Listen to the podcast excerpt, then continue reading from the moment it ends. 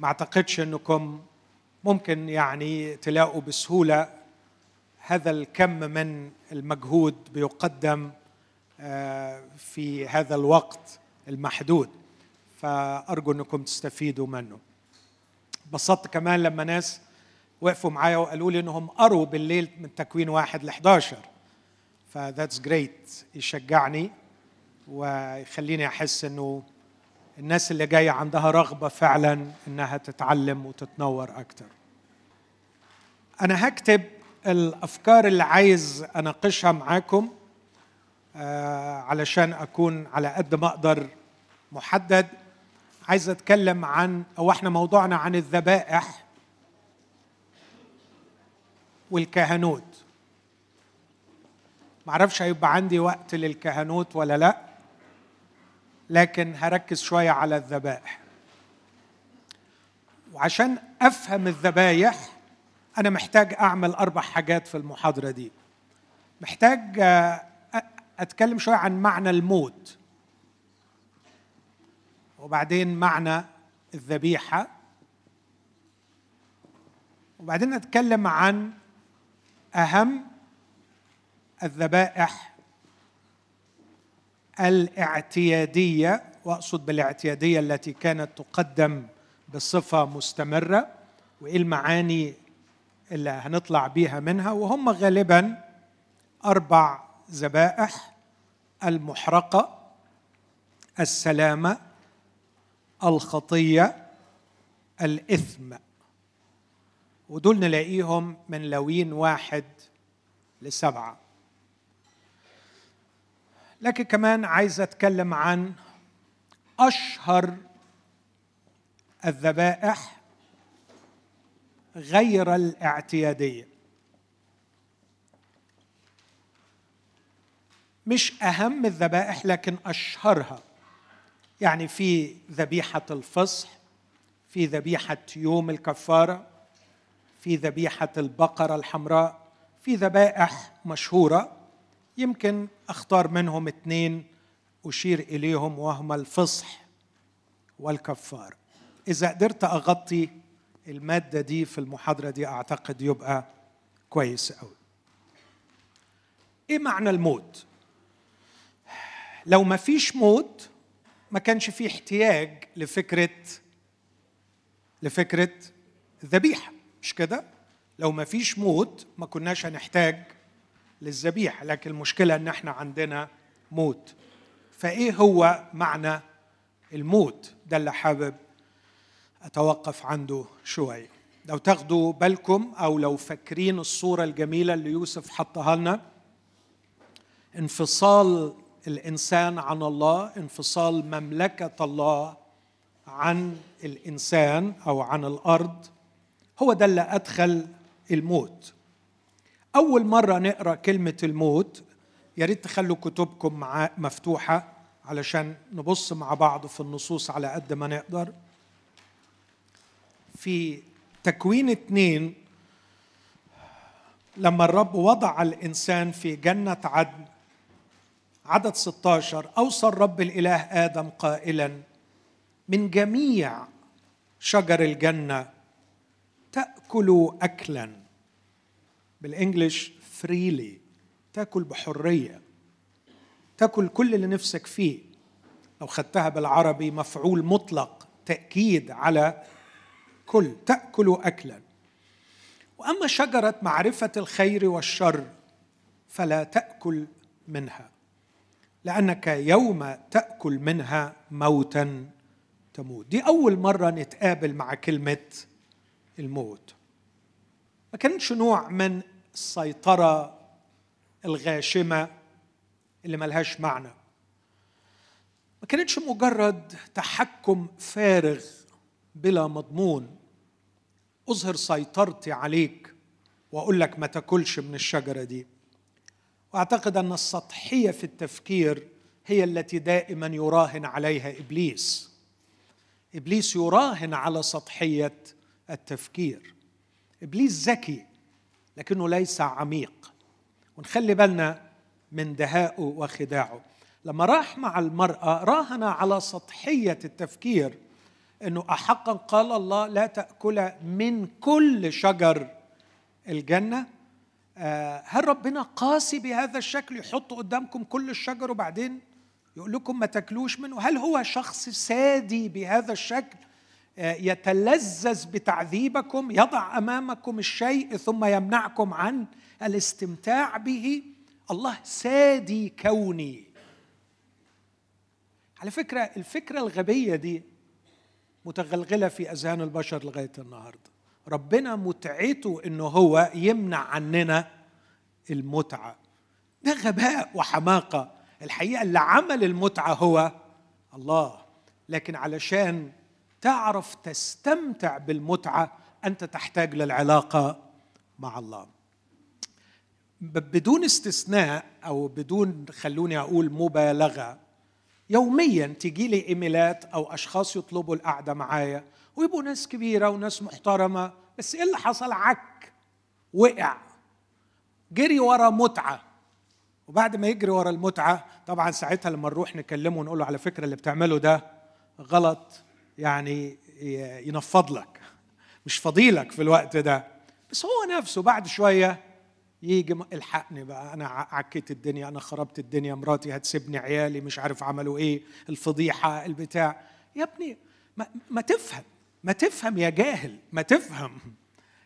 المتعة الله هو مصدر يمنحنا كل شيء بغنى للتمتع.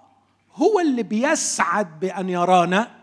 نستمتع بس ما تنساش يا جاهل إنك كائن أخلاقي. تحتاج أن تستمتع في إطار أخلاقي. ولو دست الأخلاق برجليك مش بس المتعة هتروح أنت نفسك هتروح. لكن هي دي الفكرة السطحية أو داني أقول يراهن إبليس على سطحية التفكير. فقال لهم الله يريد أن يحرمكم من المتعة. وعشان كده حط الشجرة دي. الله كان أعمق من هذا بكثير. وضع الشجرة هو علامة على الاعتراف بسلطان الله. هتبقى ملك ملك حر. ستنشر الصلاح والبر والحق في أي منطقة هتحط رجلك فيها. هحضر فيك واحل فيك وهكون معاك. أباركك وتكون بركة. ستحمل حضوري. وسأجعلك سيدا على الأرض. وسأجعلك سيد الموقف حيث تكون. لك سلطان على الأرض. بس بشرط أن تكون خاضع لمن فوقك لكي تسود على ما تحتك. هو ده هي دي المنظومة الأخلاقية هو ده السيستم You are not God. أنت مش on the top. أنت أعلى من المخلوقات لكنك أقل من الله. والعقل يقبل هذا الكلام. ففي ريجيوليشنز لازم تحترمها. مجرد علامة الخضوع لمن فوقي لكي أستطيع أن يكون لي سلطان على ما تحتي. على فكرة الفكرة دي منطقية. في قائد أممي في يوم جه للمسيح بس كان راجل محترم بيفكر صح. فقال للمسيح غلامي مطروح معذب جدا. قال له أنا آتي وأشفيه قال له لا حضرتك ما تحتاجش تيجي لكن قل كلمة لأن أنا أؤمن أن كلمتك هيكون لها سلطان وهتشفي الولد. إزاي عرفت كده؟ قال له أصل أنا فاهم. أنا بص اسمع التعبير اللي قاله الراجل. بص الحجة المنطقية. أنا إنسان مرتب تحت سلطان. لي جند تحت يدي. أقول لعبدي افعل فيفعل. ولهذا اذهب فيذهب. لماذا؟ لماذا لي سلطان على من تحتي؟ لأني إنسان مرتب تحت سلطان. أنا خاضع لمن فوقي.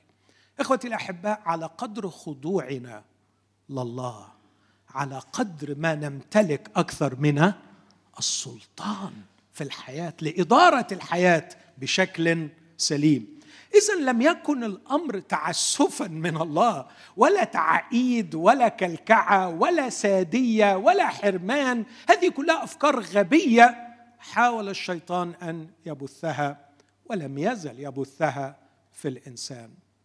لكن الرب كان بيقول له إذا رفضت الخضوع لمن فوقك والعلاقة مع من فوقك موتا تموت. ما هو الموت في هذه الحالة؟ أعتقد برضو إنه من السطحية أن نختزل إلى الموت الجسدي مع إنه الموت الجسدي متضمن في هذا التحذير لأنه في الواقع آدم عندما أكل لم يمت جسديا. لكن أنا بحب أميز بين موت الجسد وموت الإنسان. من مات عند التمرد على الله ليس الجسد لكن الذي مات هو الإنسان. وأنا امبارح قلت إنه ممكن أقسم العهد القديم كله مش بس العهد القديم الحقيقة الكتاب المقدس كله أقول مشروع الإنسان ومشروع النسل. وكلمة النسل دي مهمة قوي اتكررت في حديث الرب للحية لما أوقع قضاءه على الحية قال له أضع عداوة بينك وبين المرأة وبين نسلك ونسلها. واتكلم عن النسل نسل المرأة الذي سيسحق رأس الحية. وبعدين مرة تاني مع إبراهيم في تكوين 12 قال له في نسلك تتبارك جميع قبائل الأرض. وبعدين بولس يشرح لنا في رسالة غلطية لم يقل في الأنسال كأنه عن كثيرين لكن في واحد اللي هو المسيح. فالنسل هو المسيح. والحقيقة المشروعين مرتبطين ببعض. مشروع الإنسان فسد مات الإنسان بالسقوط. مشروع النسل لافتداء الإنسان. فأقدر برضو أقول الكتاب المقدس هو قصة الفداء. في العهد الجديد الفادي قد وصل سفر الأناجيل الأربعة. الفادي قد وصل وتمم الفداء بالصلب والقيامة. عمل عمل الفداء بالصلب والقيامة. لكن سيأتي ثانية لفداء المقتل ليكمل عمل الفداء. فدى الأرواح وسيأتي ثانية ليفدي الأجساد ويفدي الطبيعة ويفدي السماوات والأرض ويقول الجالس على العرش ها أنا أصنع كل شيء جديدا. فالعهد الجديد هو حكاية الفادي وعمل الفداء ثم اكتمال الفداء. طب والعهد القديم؟ هو اللي سميته امبارح redemptive history أحداث أحداث تاريخية فعلية تقود إلى عملية الفداء. فربنا يختار إبراهيم اللي منه هيجي الفادي وبعدين ربنا يختار داوود اللي منه هيجي الفادي وربنا يأسس الشعب اللي هو هيكون بيجي وسطيه الفادي ويجري عمل الفداء. فكان الله في العهد القديم مش بس بيتكلم لكن بيفعل. بيخلق احداثا تاريخية حقيقية لكنها أحداث فدائية أفعال فدائية. عندما أعطى الكتاب المقدس كان فعلا فدائيا شريك في عمل الفداء. عندما أقام الأنبياء ليتنبأوا عن المسيح كان إعداد لمجيء الفادي. فعلينا أن نقرأ العهد القديم على انه جزء من مشروع الفداء العظيم سلسلة أحداث فدائية. تاريخية فعلية لكنها تأخذنا إلى عمل الفداء. فبدون شعب إسرائيل بدون داوود بدون إبراهيم بدون الأنبياء بدون النبوات ما فيش الفادي.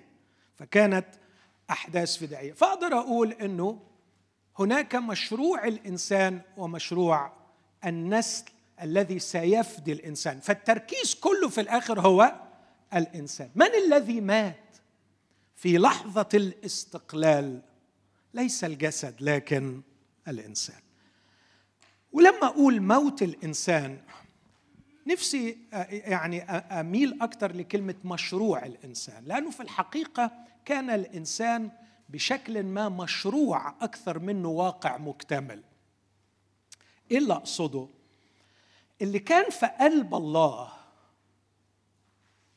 اللي يطلع فيما نسميه الإنسان أكتر جدا من اللي شفناه في آدم. آدم كان عنده البوتنشال إنه يكون الإنسان. لكن الحقيقة الإنسان أعظم جدا من آدم. عايز تشوف الإنسان زي ما الله كان عايزه فعلا تشوفه في شخص يسوع المسيح. هو ده الإنسان. إرادة واو عليها. وجدان واو. عقل. أوه مفيش أعظم من كده. اتفرج على يسوع المسيح في إرادته. يا على الإبداع. ممكن آخد ساعة أحكي بس عن قوة الإرادة عند يسوع المسيح. قوة الإرادة. كم أشتاق أن تكون لي هذه الإرادة. إرادة الإنسان يسوع المسيح. اتفرج على المحجات بتاعه. واحدة من أجمل الدراسات اللي, اللي كنت أحب أعملها. كيف كان يسوع؟ يحترم قواعد المنطق التي اكتشفها أرسطو وسجلها. كيف كان يستعمل المحجات المنطقية؟ كيف كان يحاور؟ فعلا بداخلي شغف لعقل يسوع المسيح لمنطق يسوع المسيح. وآه لو تكلمت عن وجدان يسوع المسيح مشاعر يسوع المسيح. كيف كان يترك المرأة تبكي على رجليه وتمسح قدميه بشعر رأسها؟ مشاعر فياضة جدا وضابط لنفسه جدا إنه يترك المرأة تفعل هذا لكي يتركها تعبر عن حبها. على الرغم من ما سيجلبه هذا من عار عليه ومن رفض للمضيف لو كان هذا نبيا. ما اجمله عندما لا أقرأ مرة واحدة عن يسوع والأطفال إلا وأراه يحتضنهم. أتعجب عندما أرى عظات يسوع المسيح يحضرها الأطفال. وفي يوم من الأيام في مشاجرة بين التلاميذ فأراد أن يعطيهم مثلا فأخذ ولدا وأقامه عنده. جميلة أقامه عنده يعني جلسه على حجره. وابتدى يعلمهم من لا يقبل ملكوت الله مثل ولد فلن يدخله. مشيئة يسوع المسيح وإرادته الخاضعة بسميها مجد الإنسان الخاضع. المجد كله بان في خضوع. يقول للمطوبة العذراء وهو عنده 12 سنة لماذا كنتما تطلبانني؟ ألم تعلما أنه ينبغي أن أكون فيما لأبي طفل عنده 12 سنة. يقعد من غير أهله ثلاثة أيام من غير أهله وحيدا في الهيكل. والجواب بتاعه to be in my father's business. إيه الجمال ده؟ هذا هو الإنسان. هذا هو الإنسان كما اشتهى الله أن يراني وأن يراك وأن يراك. كان هذا مشروعا في قلب الله. يريد أن يحققه في الإنسان. خلونا أقول كان آدم شرايينه الروحية متصلة بالله وكان الله عتيدا أن يدفق فيه الإنسانية ليجعله انسانا بكل ما تعني كلمة إنسان. بشرط أن يظل مرتبط بالله. وعلامة الخضوع والارتباط بالله لكي تتدفق إليه الحياة حياة الإنسان الحياة الأبدية حياة الإنسان إنه يفضل ملتصق بالله. لكنه قرر الاستقلال. قرر أن يكون الها استجابة لكذبة رهيبة ما زال البشر بيصدقوها لغاية النهارده. يوم تاكلان منه تكونان كالله عارفين الخير والشر. لماذا أكلت حواء وأعطت رجلها؟ لكي تصير كالله. ماذا يعني أن يكون الإنسان متألها؟ لألا تقول يعني هذا كلام غريب جدا. عمري ما فكرت إن أنا أكون الله. يعني عمري ما جات لي فكرة غبية زي كده. لا على فكرة الفكرة الغبية دي ماليه دماغنا كلنا. تكونان كالله عارفين الخير والشر. يعني أنا كبير نفسي وأنا اللي بحدد إيه الصح وايه الغلط بس. ما بتقابلوش العينات دي؟ ما بتقابلوهاش في روحكم؟ تعرف إيه معنى الإنسانية في جمالها؟ نزلت من السماء لأفعل مشيئة الذي أرسل. ليكن لا مشيئتي بل مشيئتك. ماذا تريد؟ تقول له يعني ما عندهمش خمر. يقول لها يا امرأة مالي ولك؟ لم تأتي ساعتي بعد. أنا بتحرك طبقا لخضوع للآب. لو الآب عايز كده هعمل كده. أي بس أنت كلك نظر وخلص المواضيع يعني. يقول ويل أنا أنا محبب عليا أخلص المواضيع بس أخلص المواضيع لما أبي يقول أخلص المواضيع. اسمع العبارة. طعامي أن أعمل مشيئة الذي أرسلني وأتمم عمله. متواضع. خاضع. فاينايت. يقر بمحدوديته. لا يتأله. يجعل نفسه النقطة المرجعية التي بها يحدد الشر والخير. المأساة اللي بشوفها في العلاقات الإنسانية النهاردة وفسادها وفي دمار كل إنسان لنفسه إنه مش بس جعل نفسه النقطة المرجعية لنفسه هو اللي يحدد إيه الصح وإيه الغلط ده عايز الناس تمشي على الصح والغلط اللي هو حدده وده الصراع بين البشر. طب طب يعني أبطل أنا بالنقطة المرجعية وأخلي مراتي النقطة المرجعية يعني؟ طب ده عدل يعني؟ لا ما حدش قال كده. لا انت ولا مراتك ولا القائد لكن هناك نقطة مرجعية واحدة هي الرب. عندما قرر أن يجعل نفسه النقطة المرجعية قطعت الشرايين التي منها ومن خلالها تتدفق إليه الإنسانية. فمات الإنسان. مات الإنسان.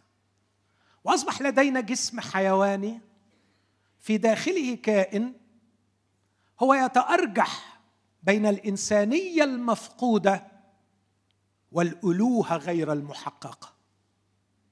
هذا هو وصفي للإنسان. جسم الإنسان اليوم في حالة السقوط جسم حيواني بداخله كائن يتأرجح بين الإنسانية المفقودة أرى ملامح إنسانية لم تكتمل وملامح ألوهة لم تتحقق. خد الوصف ده وطبقه على المآسي اللي انت شايفها في الكناس اللي في الشارع وفي الدكتاتور الجالس على العرش. جسم حيواني يسكن كائن يتأرجح بين إنسانية لم تتحقق وألوهة لم تتحقق أيضا. مش قادر يبقى إله ومش قادر يبقى إنسان لأنه الإنسانية مش مصدرها بطن أمي. الإنسانية مش مصدرها الجسم الحيواني الإنسانية مصدرها اللي قال نعمل الإنسان على صورتنا كشبهنا. ال origin of humanity مش جاي من التراب. اللي جاي من التراب هو ال body. لكن ال humanity من اللوجوس جاية من الله. وعلى قدر التحامي بالله على قدر التحامي والتصاقي به على قدر ما الإنسانية تتدفق في أكثر وأكثر. وما هو الغرض الذي أعيش من أجله أنا الآن كإنسان في المسيح؟ أن أتغير إلى تلك الصورة عينها من؟ مجد. هذا هو مجد الإنسانية على فكرة. مجد الإنسان أن تكون إنسان بكل ما تعنيه كلمة إنسان كما ظهرت الإنسانية في شخص يسوع المسيح. مش عايز أطول في النقطة دي لكن أقول أن تكون أن تكون انسانا أن تكون لك إرادة مسيطرة على كل كيانك وتدير كيانك إدارة ناجحة وفي نفس الوقت هذه الإرادة خاضعة لله. في إرادة خاضعة لله ومسيطرة على كل الكيان. معظم الإدمانات النهارده كنت الأسبوع اللي فات في أمريكا وكان معايا جوش ماكدول وكان بيقدم محاضرة عن ال pornography الأرقام اللي قالها أنا فعلا يعني نفسي أرجع أعمل search أرقام مخيفة مخيفة لدرجة إن قال 99% من الرجالة كارثة. ما هذا الإدمان؟ آه إرادة خيخة إرادة ضيعه إرادة مش عارفة تدير. لأنه لم يخضع لمن فوقه.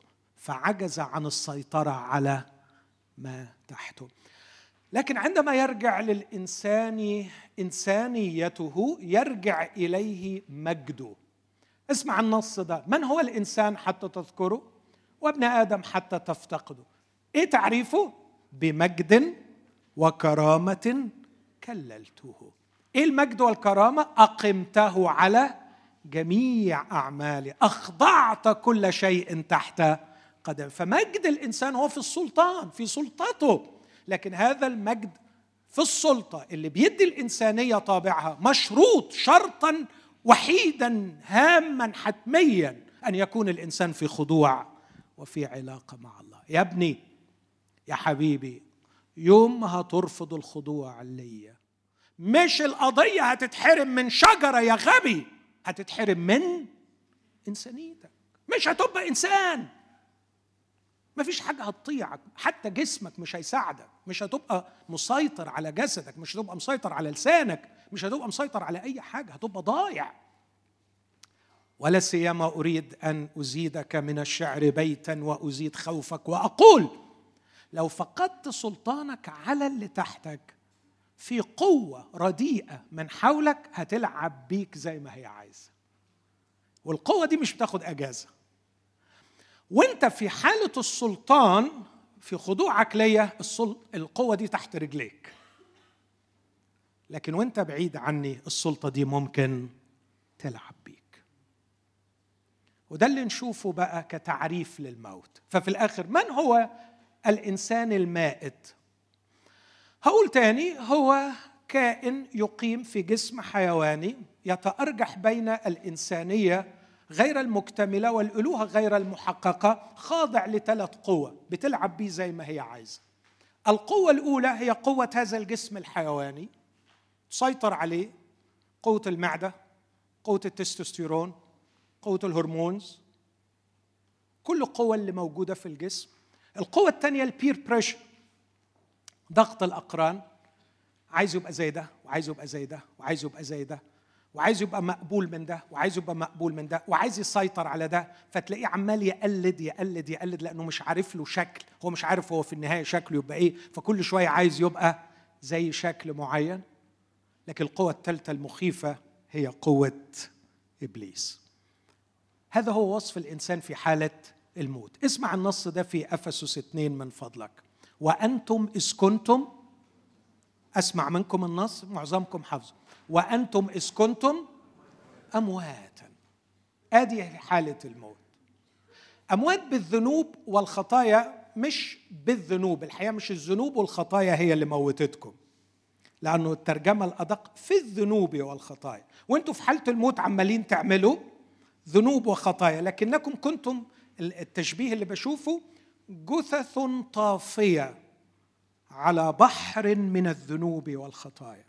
لأنكم أموات ارتكبتم الذنوب والخطايا. متم بالخطية. والخطايا هي مجرد الثمر لوجودكم في حالة الموت في حالة الخطية. لكن ما هو وصفه لحالة الموت؟ كنتم أمواتا بالذنوب والخطايا التي سلكتم فيها قبلا؟ حسب.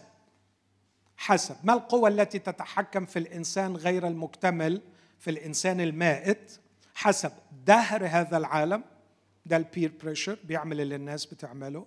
حسب رئيس سلطان الهواء الروح الذي يعمل الآن في أبناء المعصية. الحاجة الثالثة الذين نحن أيضا جميعا تصرفنا قبلا بينهم في شهوات جسد. دهر هذا العالم رئيس سلطان الهوى ثم شهوات جسدنا عاملين مشيئات الجسد والأفكار. بائس الإنسان الميت. مش كده؟ بائس. لكن زي ما قلت ربنا قرر إنه مش هيستسلم. أكل آدم من الشجرة ومات. الله قرر أن يتدخل وعلشان يرجعوا للحياة زي ما سمعنا بقى من يوسف مش الناموس هو اللي هيحييه خدتوا بالكم النص الجميل؟ لو أعطي ناموس قادر أن يحيي لكان حقا البر بالناموس. اذا الاحتياج الأساسي هو الإيه؟ الحياة. لأن إحنا بقينا أموات. إيه اللي مات فينا؟ إنسانياتنا. عايزين نرجع نبقى بشر نبقى إنسان. فأنا عشان أرجع أبقى إنسان أنا محتاج حياة. إيه علاقة القانون بالحياة؟ قانون جميل مقدس وصالح وعادل وعلى عيني وراسي وأحطه على دماغي ودماغ اللي جابوني. الناموس ما حدش يعيب فيه. بس يا جماعة الاحتياج هو الحياة. أنا مش محتاج قانون أنا محتاج حياة. الحياة تيجي من الذبيحة. الحياة تيجي من الذبيحه الحياة لا تأتي إلا من حياة. الحياة لا تأتي إلا من حياة. وما فقدته هي الحياة الإنسانية لا تأتي من ذبيحة حيوانية. فالحيوان لما يموت من أجل ما يدينيش أنا الحياة الإنسانية. لكن أنا كنت محتاج نبع الإنسانية.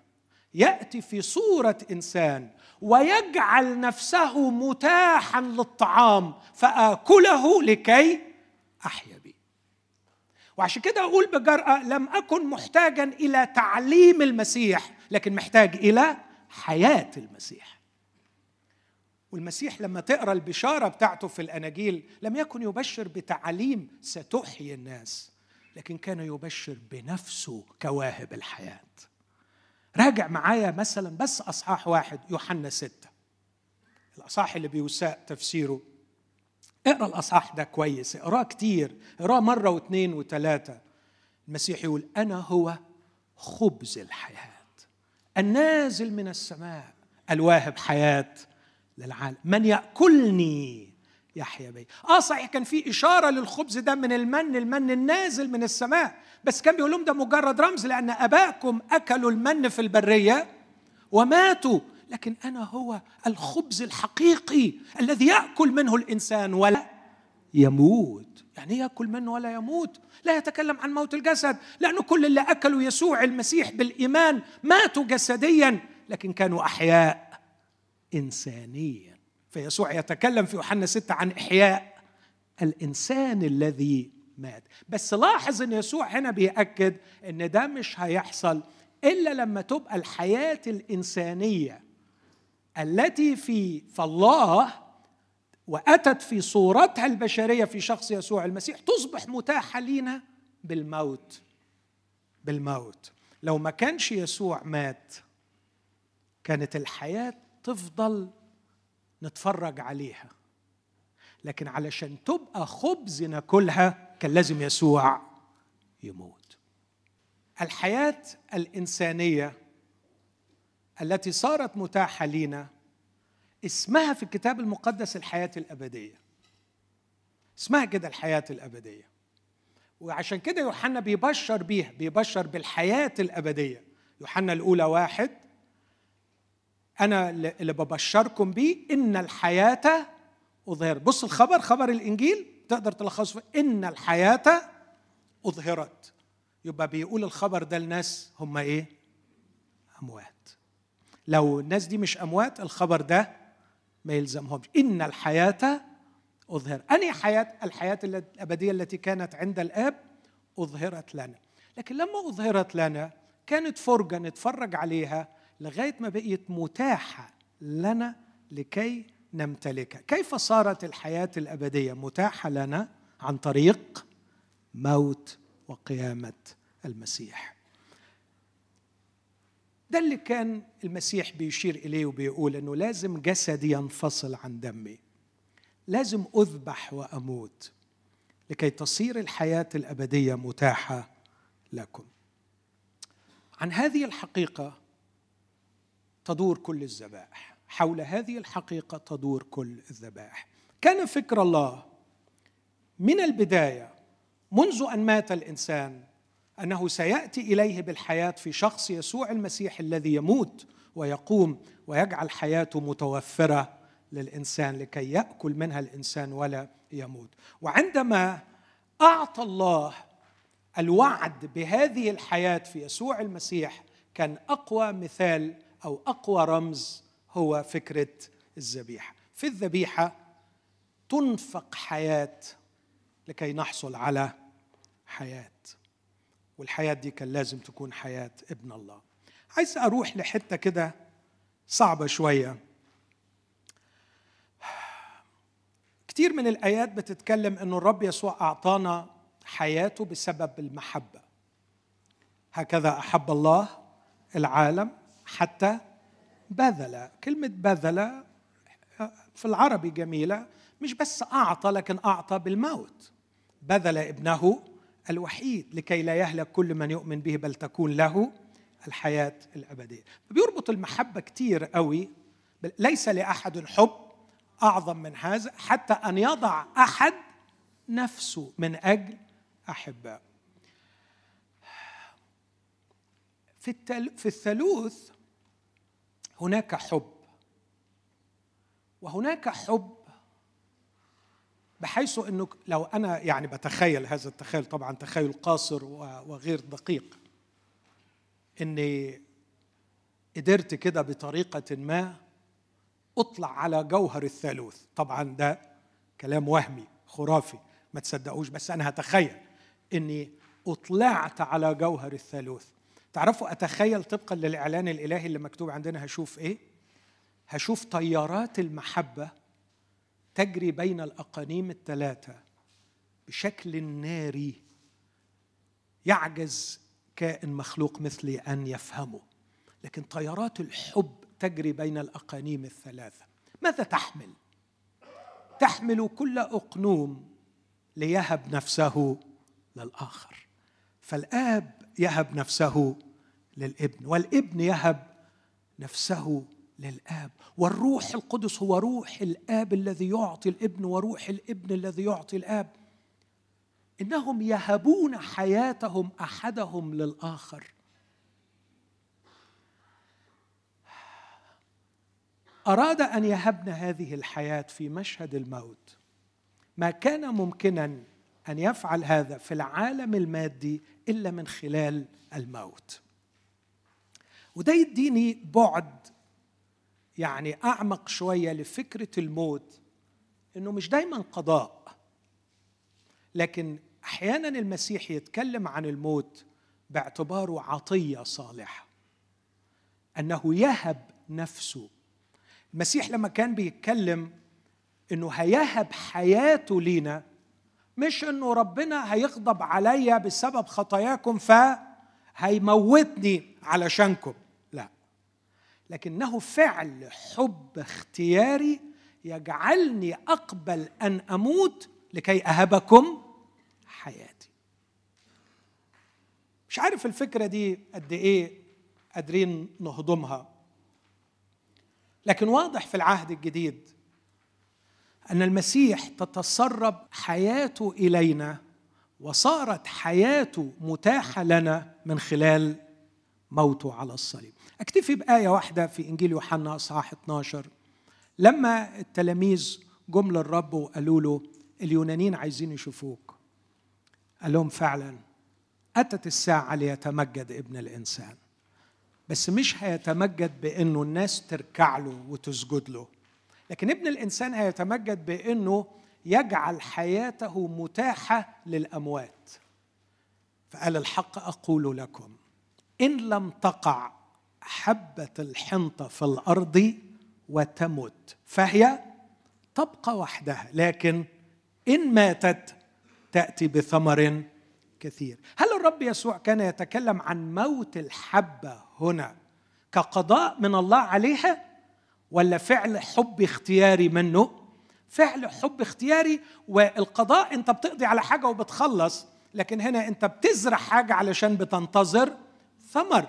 فكان يسوع ينظر إلى موته على الصليب لا باعتباره تحمل قضاء مع إن ده موجود وهجيله لكن كان ينظر إليه باعتباره عملية إماتة للحبة لكي تتسرب حياتها إلى آخرين لكي تأتي بثمر كثير.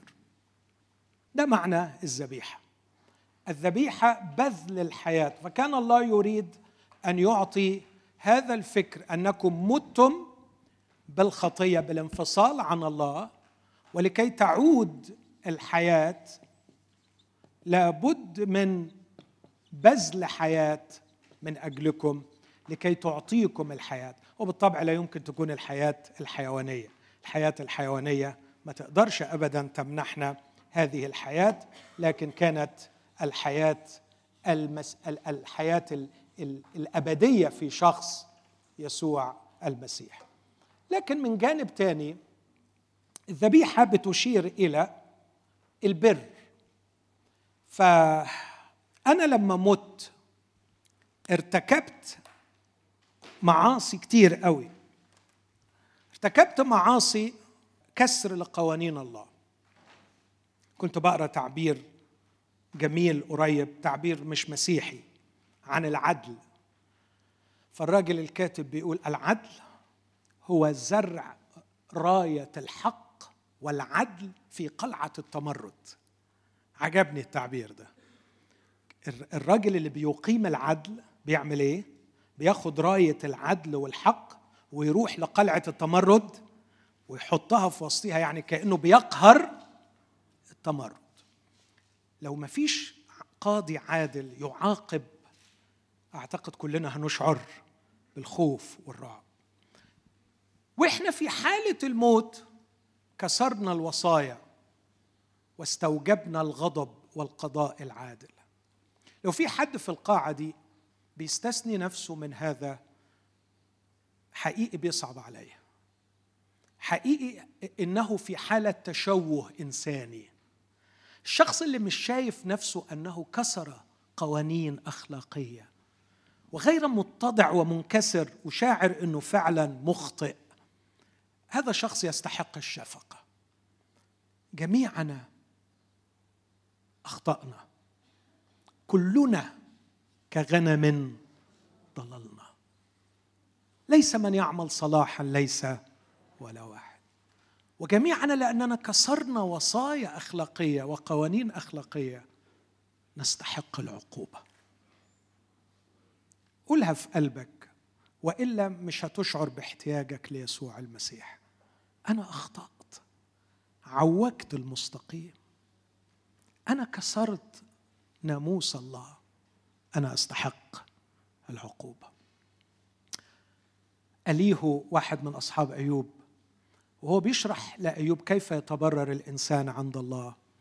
يقول له إنه الإنسان يظل في غبائه معاند لفكرة إنه هو خاطئ لغاية ما ربنا يقنعه. لما ربنا يقنعه يسمع خبر حلو يقول اطلقوا عن الهبوط إلى الحفرة قد وجدت فدية. الفدية هي الحل. فيخرج ويغني بين الناس ويقول فعلت شر ولم اجازى عليه فعلت الشر لكن لم اجازى عليه لكن على الأقل لابد أن يكون هناك إقرار باستحقاقي للعقوبة. في ذبيحة المسيح أو في الذبيحة عموما هنا تأتي فكرة احتمال العقوبة. فليس فقط منح الحياة ومن وجهة نظري هذا هو المعنى الأصيل والمعنى الجوهري والمهم لكنه ليس المعنى الوحيد. ففي الذبيحة أرى حياة تبذل من أجل لكي تمنحني حياة لكن أيضا أرى عقوبة تحمل بالنيابة عني. الذبيحة بالنسبة لله كانت أقوى وأروع مثال يؤكد هذه الفكرة. أشير إشارتين صغيرين لأول مرة نتقابل فيها مع الذبيحة في الكتاب المقدس. في إشارة ضمنية وفي إشارة صريحة. الإشارة الضمنية بتتجه أكثر لناحية البر. لما آدم أخطأ صنع الرب الإله أقمصة من جلد. والجلد معروف إنه ما فيش شجر جلد مش كده؟ لكن الجلد بيتاخد من حيوان بيذبح. البعض يقول طب ليه؟ ما ربنا ما قالش الكتاب ما قالش إنه ربنا ذبح ذبيحة وعمل. تاني أقول الفكرة اللي قلتها امبارح. على فكرة الكتاب كان مكتوب لناس كان هناك إعلانات كثيرة جدا عن الكهنوت وعن الذبايح. على فكرة أول كاهن في الكتاب المقدس ما كانش من بني إسرائيل لكن كان ملك صادق ملك سليم. كان هناك كاهن حمى موسى كاهن للرب وموسى قبل منه نصيحة روحية حلوة. فكان في كهنة لله وكان في ذبايح بتقدم والناس كان عندها إعلانات عن الله وموسى كان يكتب لأناس لديهم خلفية عن هذه الأشياء فما فيش داعي إنه يحكي حكاية كل حاجة يعني. إحنا لما بنقرا بنقول المفروض بقى كان يفسر كل حاجة. لا هم الناس كانوا فاهمين. فكانوا عارفين إنه الحل هو في الذبيحة. بس الجميل هنا إنه الذبيحة أشارت لأنه ده الاحتياج الأول عند الإنسان من جهة الله. الله يرى إن احتياجك الأول للحياة لكن من جهة الإنسان بيبقى مشغول بال guilt والعار ال shame وال sense of guilt فعايز يتغطى. فلو أخذت الموضوع أثر الخطية من وجهة نظر الله الله يقول الإنسان محتاج الحياة ده الأهم. وعشان كده تلاقي كرازة يسوع المسيح أكثر منصبه على الحياة يعطي اتيت لتكون لهم حياة ويكون لهم أفضل والذبيحة تحمل معنى الحياة. لكن إحنا لما بنقرب غالبا اللي بيبقى شغلنا مش موضوع الحياة لكن اللي شغلنا أكتر هو الخزي الذنب العار. اللهم ارحمني أنا الخاطي في اليوناني اللهم غطيني. أنا مش عارف أغطي نفسي. وكأنه أرى الحكاية بتاعت سفر هو ما أعتقدش إنه كان فاهمها وهو بيقول الراجل الكلام ده لكن كان بيوصف الشعور اللي مليء. أشعر بالعري. ما هو البديل للذبيحة؟ شوية الأعمال البر الخايبة اللي الناس بتعملها علشان تريح ضميرها وعلشان تستر خزيها وعارها. والنهاردة الناس بتتفنن في هذه الأشياء. آه، ينتقوا كده بعض الأشياء اللي تديهم إحساس بالبر الذاتي. صح؟ واخدين بالكم من الحكاية دي؟ ودايما بتبقى حاجات سهلة. يعني مثلا النهارده يا سلام على الناس اللي اجانست الريسزم يا بس يعني لو غلطنا إحنا في البيت أنا ومراتي. غلطنا يعني غلطة. ما نبقاش قاصدين فعلا أي حاجة. نروح محل مثلا وبعدين بره نقول يعني الراجل الأسود. يا إلهي يبقى يوم مش فايت. ولادي يزمجروا ويغضبوا إيه ده اللي بتقولوه ده؟ أنتوا ريسست يا حبايبي صدقوني ما نقصد حاجة. بس هي دي الكالتشر دلوقتي. أو الحيوانات. والدفاع من أجل الحيوانات والحماية حقوق الحيوانات. ويا سلام من يدافع عن قطة محبوسة يضع لنفسه النياشين ويرى نفسه. كل ده خداع القلب البشري. في البحث عن أشياء تجعل الإنسان برا في عيني نفسه. أنا أحسن من غيري. أنا بهتم بالقطط والكلاب. أنا بهتم بالناس الغلابة المظلومين. أنا بدافع عن حقوق المثليين. أنا بدافع. it's good it's good بس مش هو ده اللي يبررك. وأوعى تكون بتعمل كده علشان تهرب من الخزي والذنب والعار. صور الله لنا هذا هذه المقابلة ما بين محاولات البشر للتبرر لتبرير أنفسهم أمام أنفسهم. هم مش شغلهم موضوع ربنا. تبرير أنفسهم أمام أنفسهم عشان يتخلص من الخزي والعار بأنه خاطاه مآزر من ورق التين. خاطاه مآزر من ورق التين. بس لاحظوا إن المآزر دي سترتهم عن بعض لكن لما جه ربنا يتكلم يقول له سمعت صوتك في الجنة فخشيت لأني عريان. فالحاجات اللي بيعملوها الناس بروح الكنيسة بصلي بدفع العشور بخدم بعمل بسوي بدافع عن حقوق كذا وكذا تخليك مية مية قدام نفسك. بس قدام ربنا. لو وجهك بنوره هتكتشف إنك لسه عريان. ربنا بيرد على دي بقى بالذبيحة. إنه راح عامل وبص المقابلة الجميلة بقى. دي مآزر. مآزر يعني تستر بس العورة. فكل غرض الإنسان أن يستر الشيء المعيب. لكن ربنا ما يعملش مآزر يعمل أقمصة. يغطي الإنسان كله. ولو خدنا الفكرة أن الذبيحة بتشير إلى الشخص الذبيح اللي هيموت حمل الله الذي يرفع خطية العالم. فلما آخذ القميص هنشوف مع بعض بعد شوية المحرقة. اللي بيقدم المحرقة المحرقة توقد بتمامها للرب لا يؤخذ منها إلا جلدها. فالمحرقة كاملة للرب جميلة في عيني الرب بس هو يطلع من الحكاية دي بالإيه؟ بالجلد بتاعها. فكأنه بيلبس قميص المسيح. يرفل أمام الله في شخص المسيح. فلاحظ مآزر تستر ما هو معيب وجمال كامل هو كمال وجمال المسيح نفسه. ده الفرق بين الاعتماد على الأعمال التي يحاول الانسان أن يتبرر بها أمام الله وبين من يحتمي في الذبيحة اللي هي تشير إلى ذبيحة المسيح. كل ذبائح العهد القديم كانت بتشير إلى ذبيحة المسيح. أنا ما قلتش دي فرانكلي كده لأنه المفروض إنها تكون مفهومة مش كده ولا قلتها؟ تالي قلتها.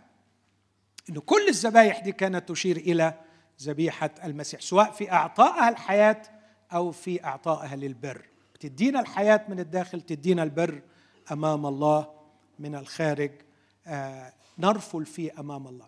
الناحية الثانية إنه المآزر كانت من ورق لكن الأقمصة من جلد.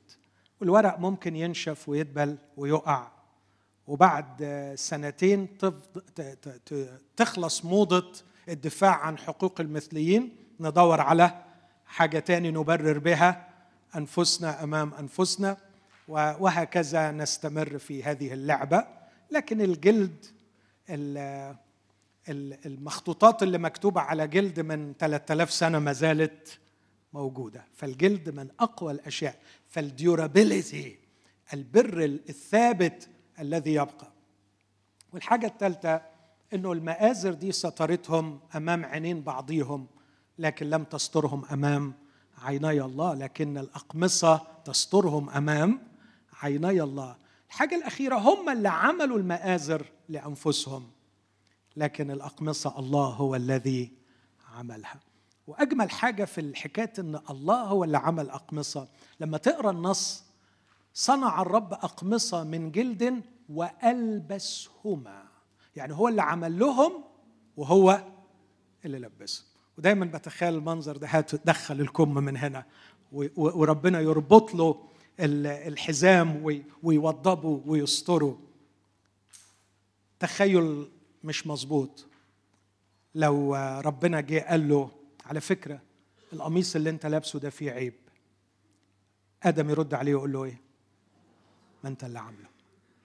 ده اللي بيقوله بولس في رومية 8 من هو الذي يدين؟ الله هو الذي يبرر. إذا كان الله بررني لا يستطيع أحد أن يدينني ولا الله نفسه. أقولها بكل احترام. ولا الله نفسه. لأنه مين اللي بررني؟ الله. هذا هو البر الآتي من الذبيحة. ده بالمقابلة مع الناموس. عشان كده بولس بيقول لو كان أعطي ناموس قادر أن يحيي لكان بالحقيقة البر بالناموس. لكن البر مش بالناموس. الناموس لم يعطى لكي يبرر.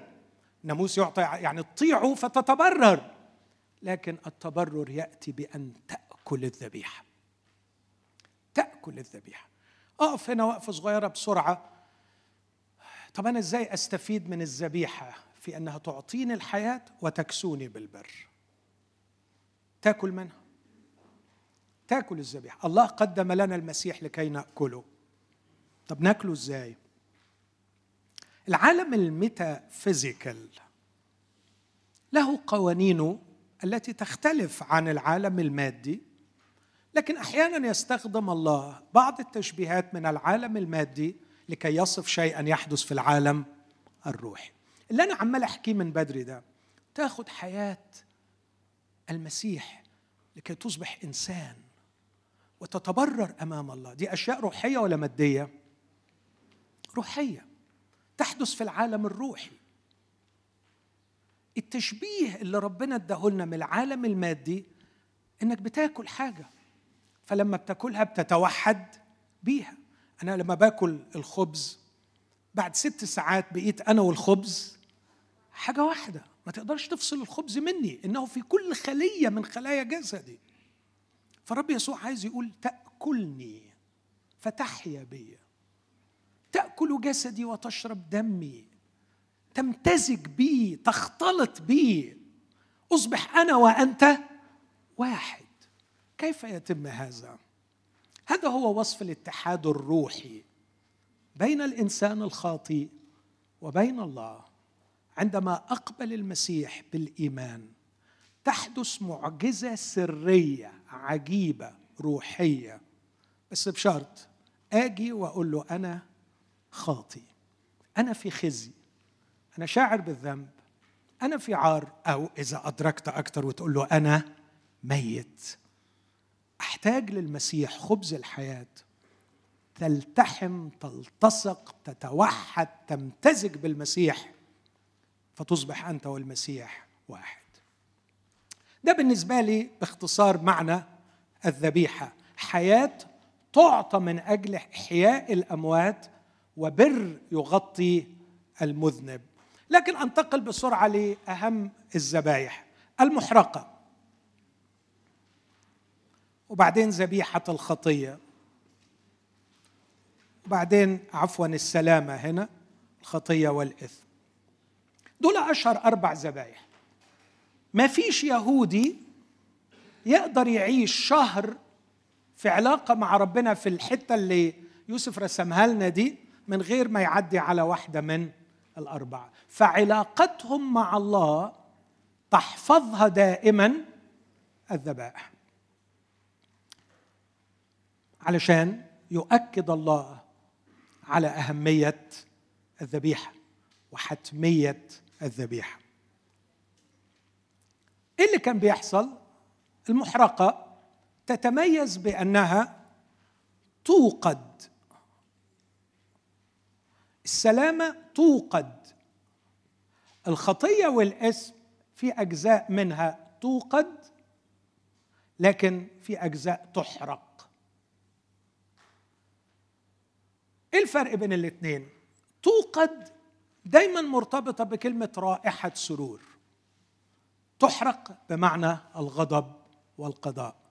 حتى بولس كان دقيق لما اتكلم في عبرانيين 13 يقول إن الحيوانات التي يدخل بدمها إلى الأقداس تحرق أجسامها خارج المحلة. لكن ذبيحة المحرقة يؤخذ منها الجلد لكن كل لحم الذبيحة مع الأحشاء والأكارع بعد غسلها بالماء توقد على المذبح رائحة سرور للرب. إذا كانت بشوف فيها شخص المسيح بشوف شخص المسيح الذي بتكريس كامل أعطى كل حياته على المذبح لله رائحة سرور. علشان الله يأخذ هذه الحياة ويعطيها للهالكين والأموات. كان يشبع قلب الله. اسمع الآية دي يمكن تحس فيها بالمحرقة. تلاميذ حزانة مكتئبين ابتدوا يفهموا إن الموضوع جد ابتدوا يفهموا إنه هيروح للصليب كأنهم عايزين يرجعوه. يقول لهم لكي يفهم العالم. أني أحب الآب وكما أوصاني هكذا أفعل. قوموا ننطلق منها هنا. انطلق من هنا وراح لفين؟ راح للصليب لكي يذبح على الصليب. فالمحرقة تشير إلى المسيح الذي يقدم نفسه بتمامه بكماله لله رائحة سرور. وأنا المفروض إني بقلده بتمثل بيه. بس زي ما قلت من شوية يطلع من المحرقة الجلد بتاعها. في شريعة المحرقة في لوين سبعة ياخد اللي بيقدم الذبيحة ياخد الجلد.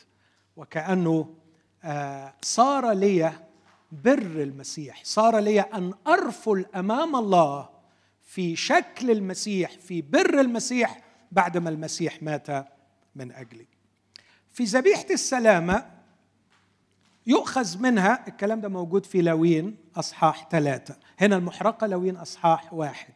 ذبيحة السلامة لوين ثلاثة؟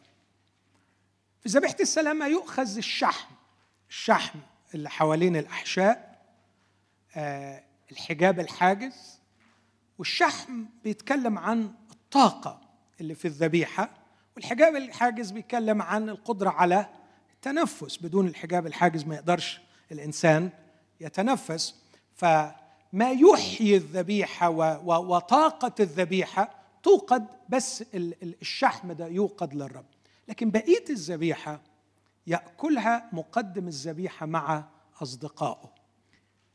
الذبيحة أساس الشركة ذبيحة السلامة أساس الشركة. والشركة تلاقيها مؤسسة على ثلاث حاجات أو بتدي ثلاث أفكار. في واحدة اسمها ذبيحة شكر سلامته. في واحدة تانية ذبيحة نذر سلامته. وفي واحدة ثالثه نافلة. نافلة يعني بدون آه غرض محدد لكن واحد عنده حالة من الامتنان الشديد لله فقرر إنه يقدم ذبيحة.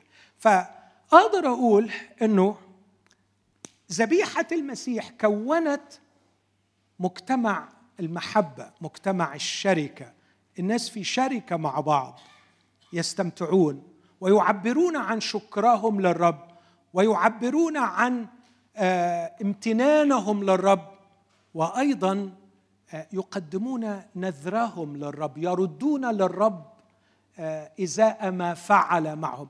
كأنه عايز يقول أنا أخذت حياة المسيح فأقل شيء إني أعطي حياتي للآخرين وأقدم شكري لله فيتأسس مجتمع الشركة. أكثر شيء مرتبط بذبيحة السلامة هو جو الشركة. حتى إنهم يسميهم شركاء المذبح بيقعدوا حوالين المذبح ويأكلوا. ده جو مختلف تماما عن جو ذبيحة الخطية وذبيحة الاسم. في ذبيحة الخطية وذبيحة الاسم الأمر مختلف. اللحم لا يوقد لكن قلت من شوية إيه اللي يجرى يحرق. وده يورينا الجانب الثاني اللي أشرت إليه إنه ما كانش بس في دم بيسفك ليعطي حياة لكن فيه قضاء وعقاب. قضاء كان يبان في حرق الذبيحة ذبيحة الخطيه كان يتحرق جلدها مع لحمها مع فرثها. الجلد أجمل ما فيها واللحم أثمن ما فيها والفرث أردأ ما فيها. كل ما هو مرتبط بالخطيه مرفوض في عيني الله. سواء أشياء ثمينة أشياء حقيرة أشياء جميلة كلما تم إنتاجه في حالة الاستقلال عن الله مدان من الله ولا بد من القضاء عليه. حتى لو كانت أعمال إنسان في حالة استقلال عن الله أعمال يسميها الناس إنها أعمال يعني بر لكن في حالة الاستقلال عن الله تجد غالبا غرضها هو تمجيد الذات. فلذلك يوقع عليها القضاء بالحرق لكن لأنها تشير إلى المسيح الذي أحرق بسببنا وأحرق على الصليب اخذا عقوبة خطياتنا لأنه حمل هو في جسده خطايانا. مجروح من أجل معاصينا. لاحظ آيات كتير ممكن أقعد فيها وقت طويل بتقول إنه المسيح مات كذبيحة مش عشان يدينا حياته لكن علشان ياخذ عقوبة خطايانا. يؤخذ من الذبيحة الفات يؤخذ منها شيء من الفات الدهن اللي فيها ويوضع على المذبح. وفي الحالة دي ما نقولش إنه بيتحرق لكن بنقول إنه يوقد. لكن الباقي كله بيتحرق والشخص اللي بياخد الحاجة دي ويحرقها برة يكون نجسا إلى المساء لأنه لمس جسدا وضعت عليه الخطية أو نال عقوبة الخطية. هفرق بين الخطية والإثم بس بعد ما أشير إلى موضوع وضع الأيدي. سواء في المحرقة في أي ذبيحة من الأربعة كان لازم مقدم الذبيحة يحط إيده على الذبيحة.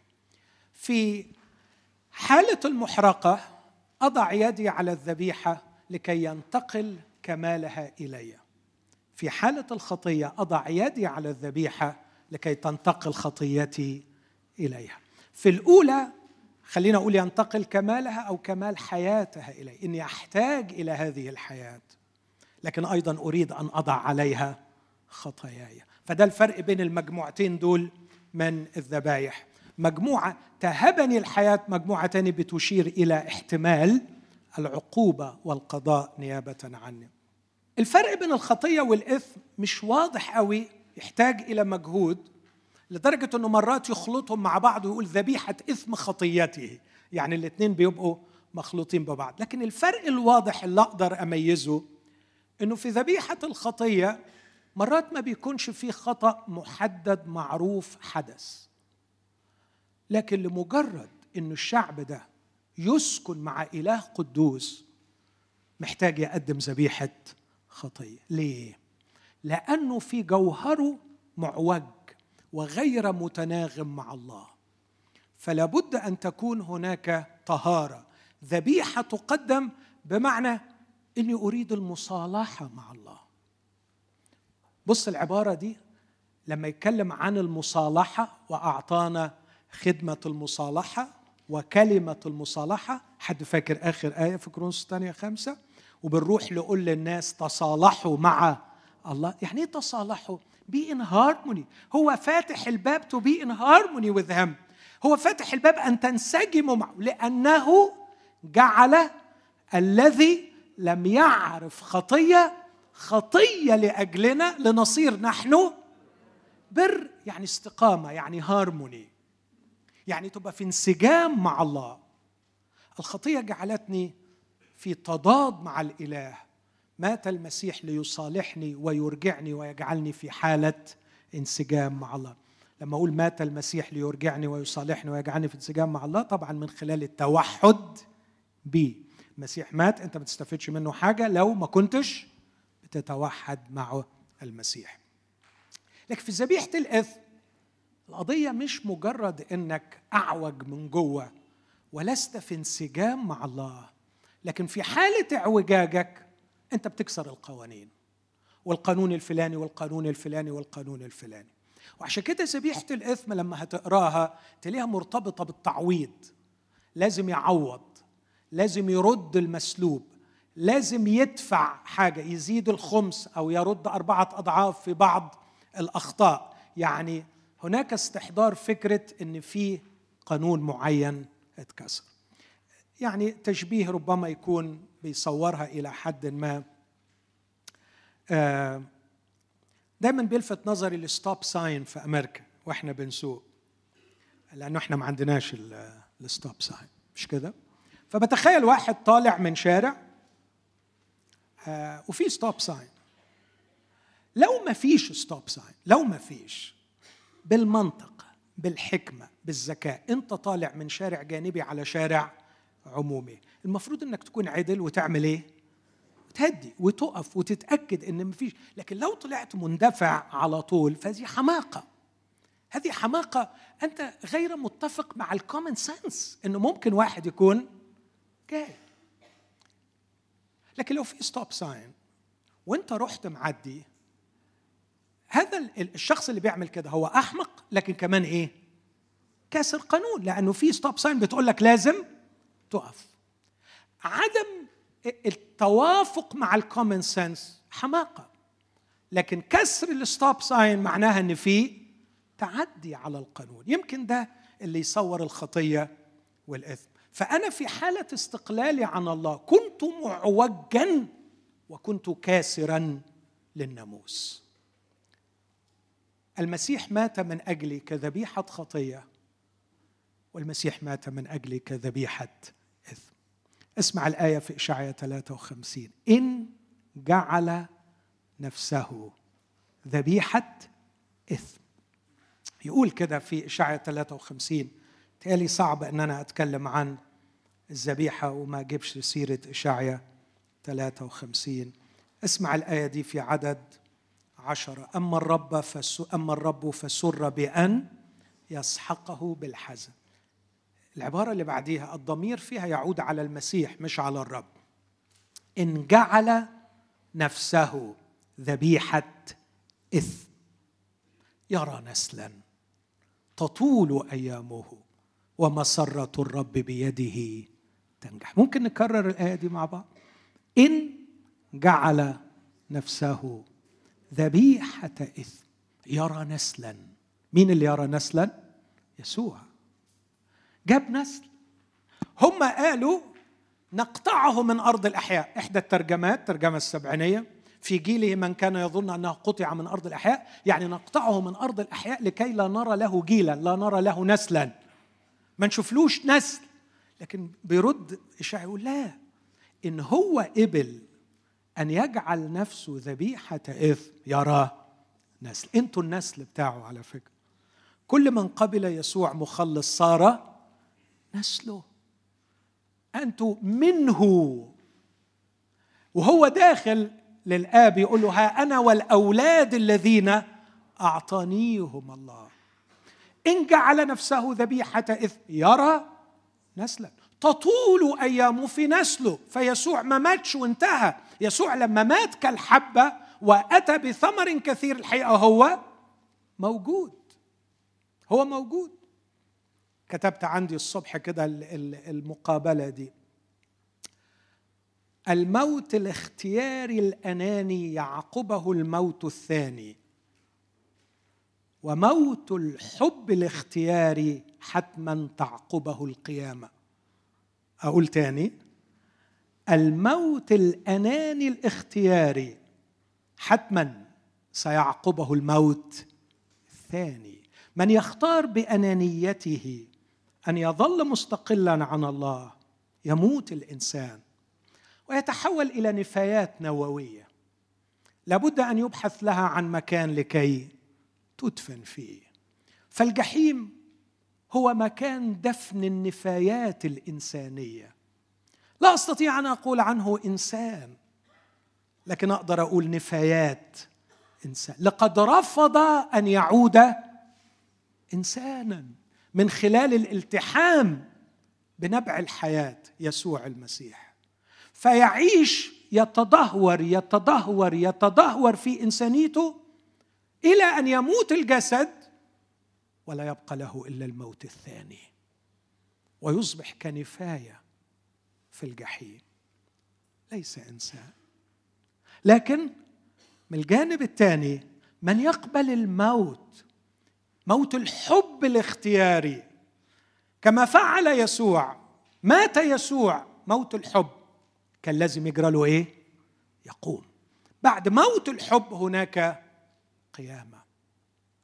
وعشان كده النوع ده من الموت بالعكس ده بيدي بقاء. بيدي بقاء. يعني حبة الحنطة ماتت صح؟ ماتت. وبعدين بعد ما ماتت في الأرض طلعت سنبلة ضخمة مليانة بحبات الحنطة أسأل سؤال أقول أين الحبة الأولى؟ أين الحبة الأولى؟ حد يقدر يقول تلاشت؟ هي باقية بكل الجينات بتاعتها بكل إمكانياتها نعم موجودة فين؟ في كل حبة من الحبات دول ده, ده الفكر الإلهي لم تفنى الحبة إنها باقية بشكل أكبر. يسوع لما مات قام وبقيامته موجود النهاردة. موجود في كم واحد؟ في ملايين. أحيا لا أنا بل المسيح يحيا فيا. ذبيحة الإثم شعة 53 العدد اللي قريته. ذبيحة الخطية كورنثوس الثانية خمسة جعل الذي لم يعرف خطية خطية لأجلنا لنصير نحن بر الله فيه ولاحظ أنه بر الله فيه. الخطية تعالج حالة الاعوجاج والانفصال تجعلني في حالة انسجام. الإثم يرفع عني عقوبة الإثم فأنال الحياة. يرى نسلا تطول أيامه ومسرة الرب بيده تنجح. فضل لي أشهر ذبيحتين أقول عنهم كلمتين صغيرين. ذبيحة الفصح وذبيحة يوم الكفار. الحقيقة الذبايح بلا حصر حاجات كتير قوي لكن كلها بتدور حوالين المعنى ده. وده برضو اللي كنت بحاول أوضحه امبارح أنه ربنا لما اختار شعب إسرائيل كان يهيئ لمشروع الفداء من خلال أنه يعطي شرائع كثيرة تصف العمل الذي سيعمله المسيح.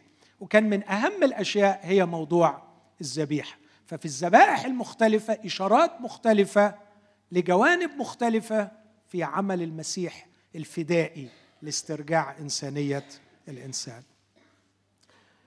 الفصح. بدأ به تاريخ الشعب. فاكرين ذبيحة الفصح في سفر الخروج أصحاح؟ حد مذاكر؟ صح 12 آخر ضربة ضربها ربنا لأرض مصر وقضاء وأخرج بها الشعب كانت ضربة الأبكار ويوميها أعطى شريعة الفصح. شريعة الفصح إنهم ياخذوا خروف في اليوم العاشر يضعوه ثلاثة أيام وشوية ربما إشارة لثلاث سنين وشوية يضعونه تحت الحفظ لمراقبته علشان يشوفوا إنه ما فيهوش عيوب. في اليوم الرابع عشر بين العشاءين يذبحه كل جمهور جماعة إسرائيل. ثم يأخذون من دمه ويضعون على القائمتين والعتبة العليا. ثم يدخلون إلى داخل الأبواب ويأكلون هذا الخروف مشويا بالنار. كله لحمه مع أكارعه مع جوفه. ويأكلونه على أعشاب مرة. الحقيقة طقس غريب لكن مهم. كانتش المسألة مجرد استمتاع باللحمة المشوية لأنه ما أعتقدش أنك لما تشوي الكوارع هيبقى طعمها كويس يعني. لكن ليها معانيها ما فيش وقت أدخل في التفاصيل بتاعتها. لكن أهم نقطة هذا الدم المسفوك الذي يتكلم عن هذه الحياة التي قدمت لله. توضع على القائمتين والعتبة العليا. لما تقرأ النص ده بتدقيق تكتشف إنه كان في اتنين بيعدوا في الليلة دي. يعبر الرب اولا ووراءه المهلك. فالرب معدي ووراه المهلك.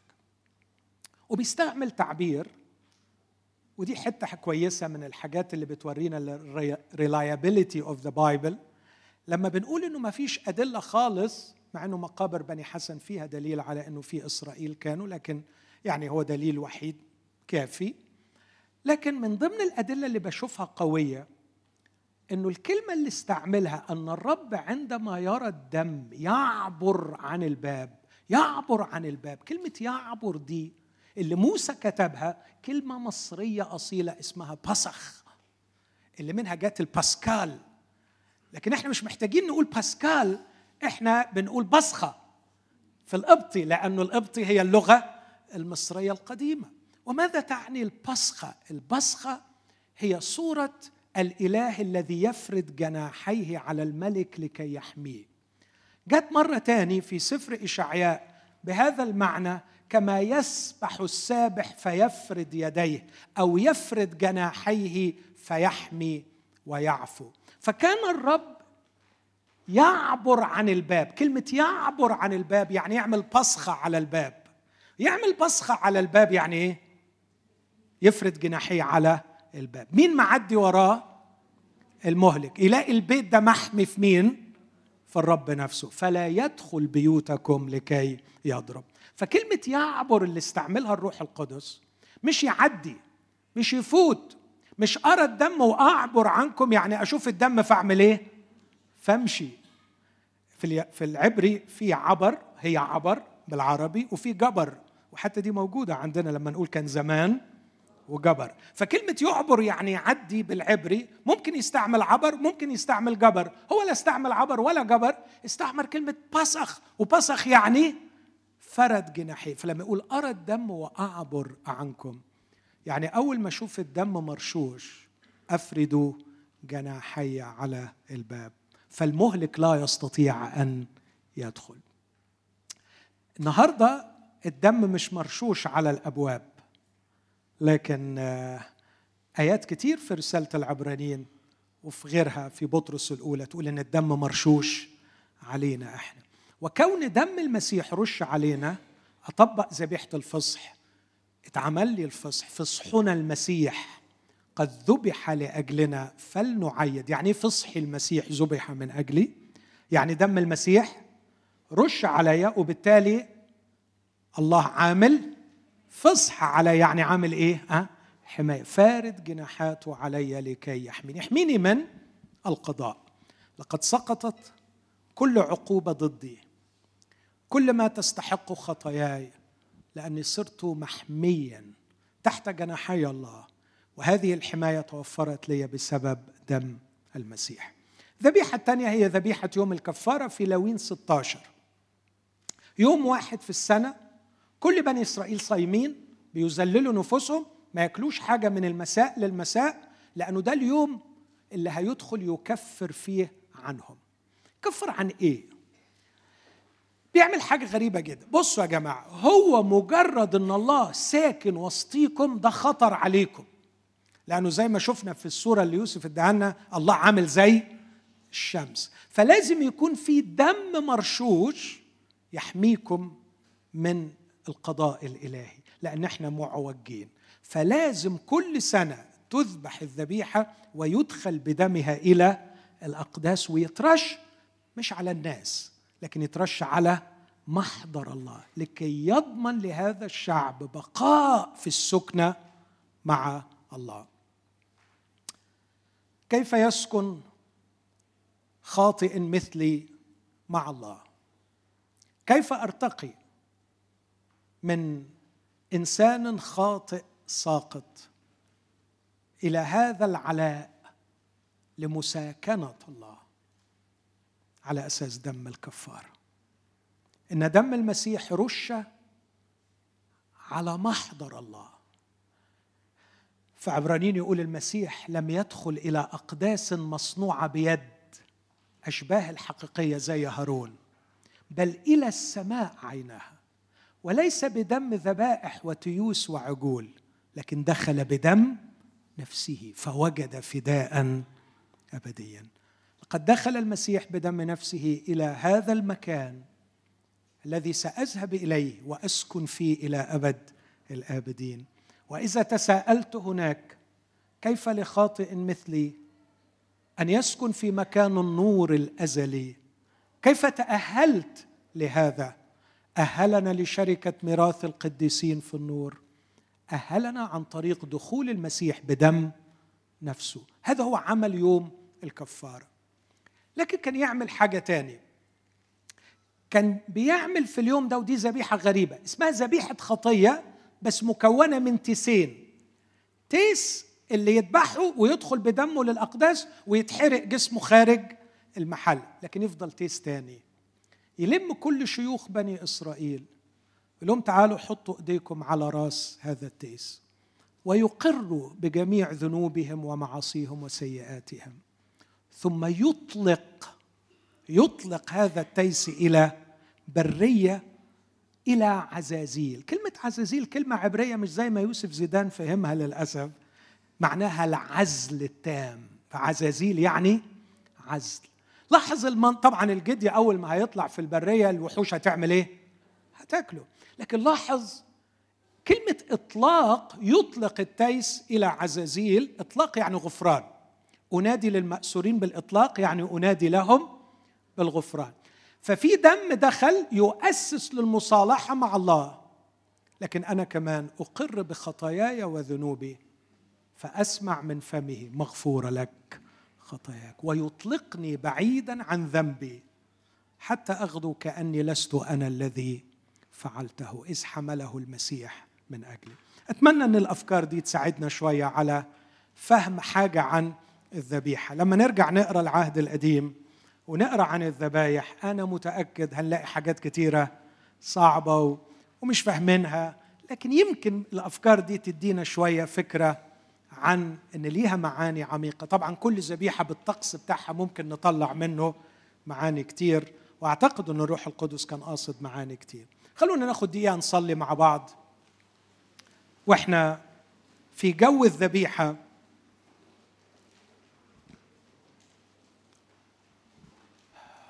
أتمنى لو في حد لغاية النهارده ما قبلش المسيح مخلص لم يأتي لله كخاطئ مذنب. في فرصة دقايق إنك تطلب من الرب ببساطة وبإخلاص. الصلوة البسيطة جدا. أيها الرب يسوع يا من ذبحت لأجلي. أقبل الحياة والخلاص منك.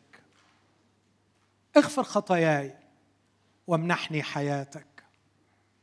صلي الصلوة البسيطة دي معايا. قولها من قلبك إذا كنت مقتنع بيها. أيها الرب يسوع يا من ذبحت لأجلي لتغفر خطاياي وتمنحني الحياة أنا أعلن احتياجي ليك. لو كتيره عليك. صلي صلاة مختصرة أكثر اللهم ارحمني أنا الخاطئ. المسيح أحبك ومات من أجلك. المسيح ذبح ورش دمه في الأقداس ورش دمه عليك. إذ رش دمه عليك تصبح تحت حماية الله.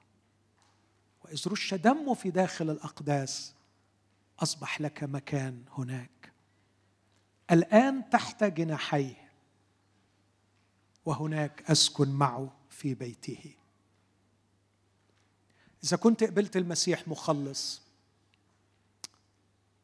رنم معايا في قلبك من غير ما نغني من غير ما نلحن لكن قل له فرحان أنا أسكن الآن تحت جناحيك. وهناك سأسكن في بيتك. لأن الدم رش علي هنا والدم رش من اجلي هناك.